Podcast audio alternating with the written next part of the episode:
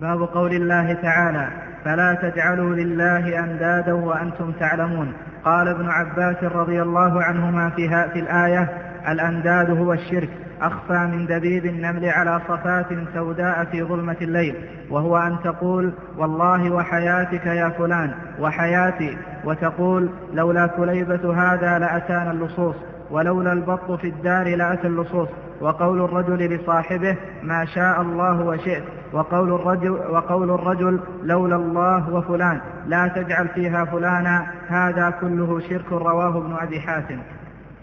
وعن عمر بن الخطاب رضي الله عنه أن رسول الله صلى الله عليه وسلم قال من حلف بغير الله فقد كفر أو أشرك رواه الترمذي وحسنه وصححه الحاكم وقال ابن مسعود لأن أحلف بالله كاذبا أحب إلي من أن أحلف بغيره صادقا. وعن حذيفة رضي الله عنه عن النبي صلى الله عليه وسلم قال لا تقولوا ما شاء الله وشاء فلان ولكن قولوا ما شاء الله ثم شاء فلان. رواه أبو داود بسند صحيح. أبو داود. رواه أبو داود بسند صحيح. وجاء عن إبراهيم النخعي أنه يكره أن يقول أعوذ بالله وبك ويجوز أن يقول بالله ثم بك. قال ويقول لولا الله ثم فلان ولا تقولوا لولا الله وفلان. الله وفلان. نعم. ولا تقولوا لولا الله وفلان. هذا باب قول الله تعالى فلا تجعلوا لله أندادا وأنتم تعلمون. فيه بيان أن هناك ألفاظا فيها التنديد. والتنديد معناه أن تجعل غير الله ندا له.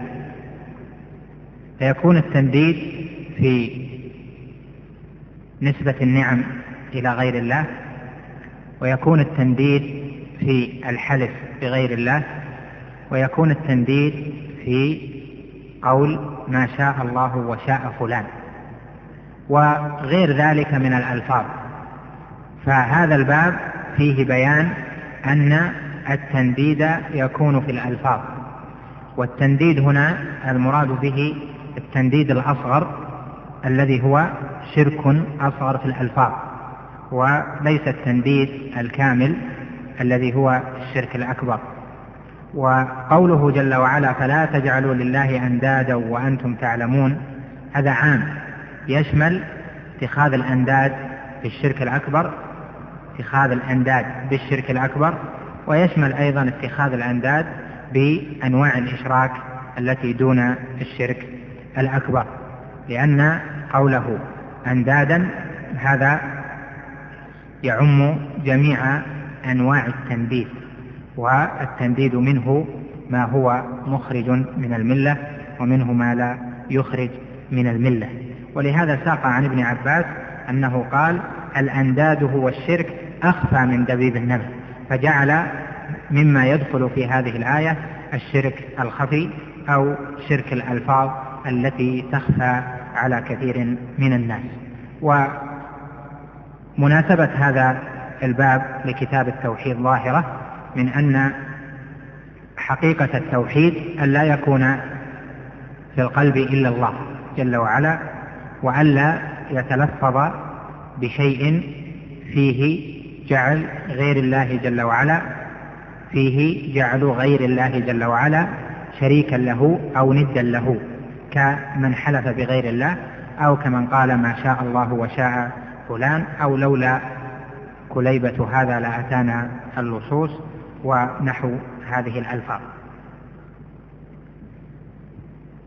الأول ظاهر وهو تبع للباب قبله يعني كلام ابن عباس على الآية ثم قال في آخره لا تجعل فيها فلانا هذا كله به شرك. يعني لا تقل لولا الله وفلان قل لولا الله لحصل كذا. هذا هو الأكمل. فالذي ينبغي في استعمال هذه الألفاظ أن تنسب إلى الله. فظهر لنا هنا أن ثمة درجتين جائزة وغير ذلك لا يجوز. وهاتان الدرجتان الأولى هي الكاملة وهي أن يقول لولا الله لما حصل كذا. والجائز أن يقول لولا الله ثم فلان لما حصل كذا. هذه جائزة وهي توحيد بجعله مرتبة فلان نازلة عن مرتبة نعمة الله جل وعلا أو إنعام الله. ولكن هذا ليس هو الكمال. ولهذا قال ابن عباس هنا لا تجعل فيها فلانا. لأن الكمال أن تقول لولا الله لا أتانا اللصوص لولا نعمة الله لما حصل كذا لولا فضل الله لما حصل كذا.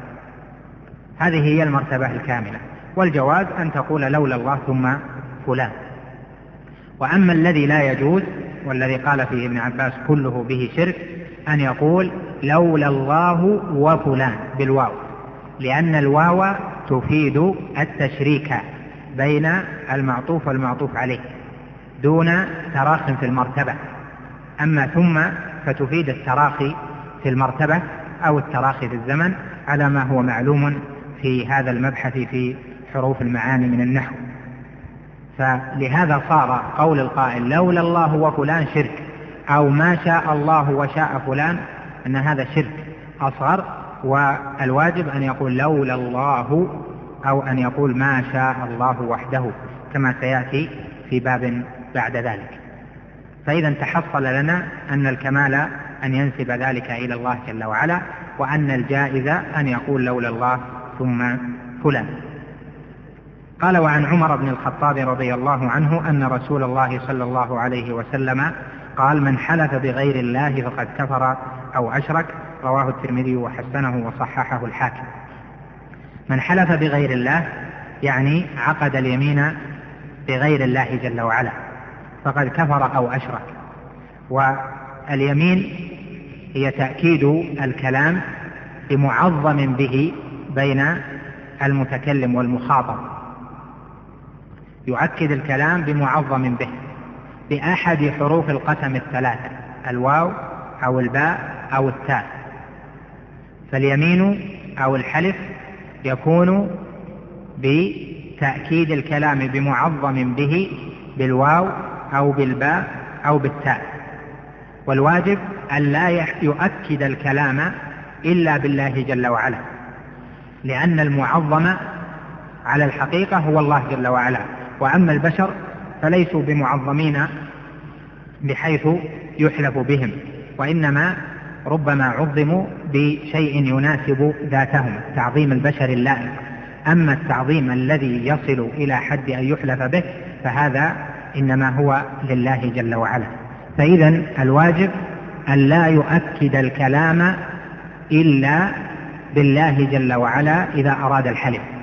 إذا أراد أن يكون حالفا فليحلف بالله فليؤكد الكلام بالله جل وعلا باستخدام أحد الأحرف الثلاثة الواو أو الباء أو التاء.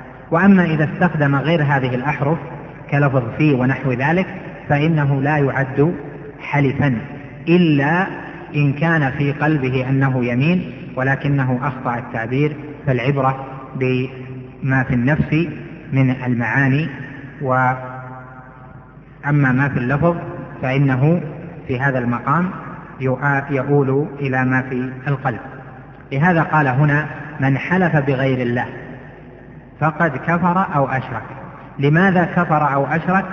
لأنه عظم هذا المخلوق كتعظيم الله جل وعلا في الحلف به. وكفره وشركه شرك أصغر. وقد يصل إلى أن يشرك بالحلف شركا أكبر إذا عظم المحلوف به كتعظيم الله جل وعلا في العبادة. فإذا صار حقيقة الحلف بغير الله أنه تعظيم لذلك المحلوف به في الحلف. فإن انضاف إلى ذلك أن المحلوف به معظم في العبادة صار شركا أكبر كحلف الذين يعبدون الأوثان بأوثانهم فإنه شرك أكبر لأنه يعظم ذلك الوثن أو ذلك القبر أو تلك البقعة أو ذلك المشهد أو ذلك الولي يعظمه كتعظيم الله في العبادة. فيكون حلفه حلف فيكون حلفه حلفا بمعظم به في العبادة. فإذا صار هنا الشرك الأصغر حاصل بمجرد الحلف بغير الله. فكل من حلف بغير الله فهو مشرك الشرك الأصغر. قد يصل في بعض الأحوال إلى أن يكون مشركا الشرك الأكبر إذا كان يعبد هذا الذي حلف به. وهناك يمين بغير الله في اللفظ. فهذه أيضا شرك ولو لم يعقد القلب اليمين. كمن يكون دائما على لسانه استعمال الحلف بالنبي أو بالكعبة أو بالأمانة أو بولي ونحو ذلك وهو لا يريد حقيقة اليمين وإنما يجري على لسانه مجرى اللغو. فهذا أيضا شرك لأنه تعظيم لغير الله جل وعلا. قال وقال ابن مسعود لأن أحلف بالله كاذبا أحب إلي من أن أحلف بغيره صادقا. هذا لأجل عظم الحلف بغير الله جل وعلا وأن الحلف بغير الله شرك. وأما الكذب فإنه كبيرة. والشرك الأصغر هذا أعظم من الكبائر. فلهذا استحب أن يكذب مع التوحيد وألا يصدق مع الشرك لأن حسنة التوحيد أعظم من سيئة الكذب ولأن سيئة الشرك أشنع من سيئة الكذب. قال وعن حذيفة رضي الله عنه عن النبي صلى الله عليه وسلم لا تقولوا ما شاء الله وشاء فلان ولكن قولوا ما شاء الله ثم شاء فلان رواه أبو داود بسند صحيح. هذا من جهة الإرشاد إلى ما ينبغي أن يقال. فلا تجعل مشيئة العبد مقارنة مشتركة مع مشيئة الله بل الواجب أن ينزه العبد لفظه حتى يعظم الله جل وعلا. والقلب المعظم لله جل وعلا لا يمكن أن يستعمل لفظا فيه جعل. لمخلوق في مرتبة الله جل وعلا في المشيئة أو في الحلف أو في الصفات ونحو ذلك. لهذا قال لا تقولوا ما شاء الله وشاء فلان. وهذا النهي للتحريم لأن هذا التشريك في المشيئة هذا شرك أصغر بالله جل وعلا. قال ولكن قولوا ما شاء الله ثم شاء فلان لأن ثم تفيد التراخي في المشيئة وهذا لأن مشيئة العبد تبع لمشيئة الله جل وعلا. قال تعالى وما تشاءون إلا أن يشاء الله رب العالمين. فمشيئة العبد ناقصة ومشيئة الله كاملة. قال وجاء عن إبراهيم النخعي أنه يكره أعوذ بالله وبك. أعوذ بالله وبك لأن الواو تقتضي التشريك في الاستعاذة. والاستعاذة كما ذكرنا لها جهتان جهة ظاهرة وجهة باطنة.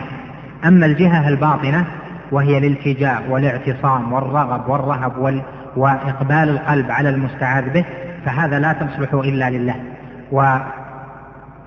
والاعتماد في الاستعاذة على المخلوق فيما أقدره الله عليه هذا جائز لأن الاستعاذة بالمخلوق ظاهرا فيما أقدره الله عليه ظاهرا هذا جائز. لهذا كان يكره أن يقول أعوذ بالله وبك والكراهة في استعمال السلف يراد منها غالبا المحرم وقد ترد لغير المحرم ولكن يستعملونها فيما لا نص فيه. ومجيء الكراهة بمعنى تحريم مجيء الكراهة بمعنى التحريم في القرآن في قوله تعالى لما ذكر الكبائر في سورة الإسراء كل ذلك كان سيئه عند ربك مكروها. وفي القراءة الأخرى كل ذلك كان سيئة عند ربك مكروها. مكروها أي محرما تحريم الشديد. قال ويجوز أن يقول بالله ثم بك لما فيها من التراخي. قال ويقول لولا الله ثم فلان ولا تقولوا لولا الله وفلان. نعم.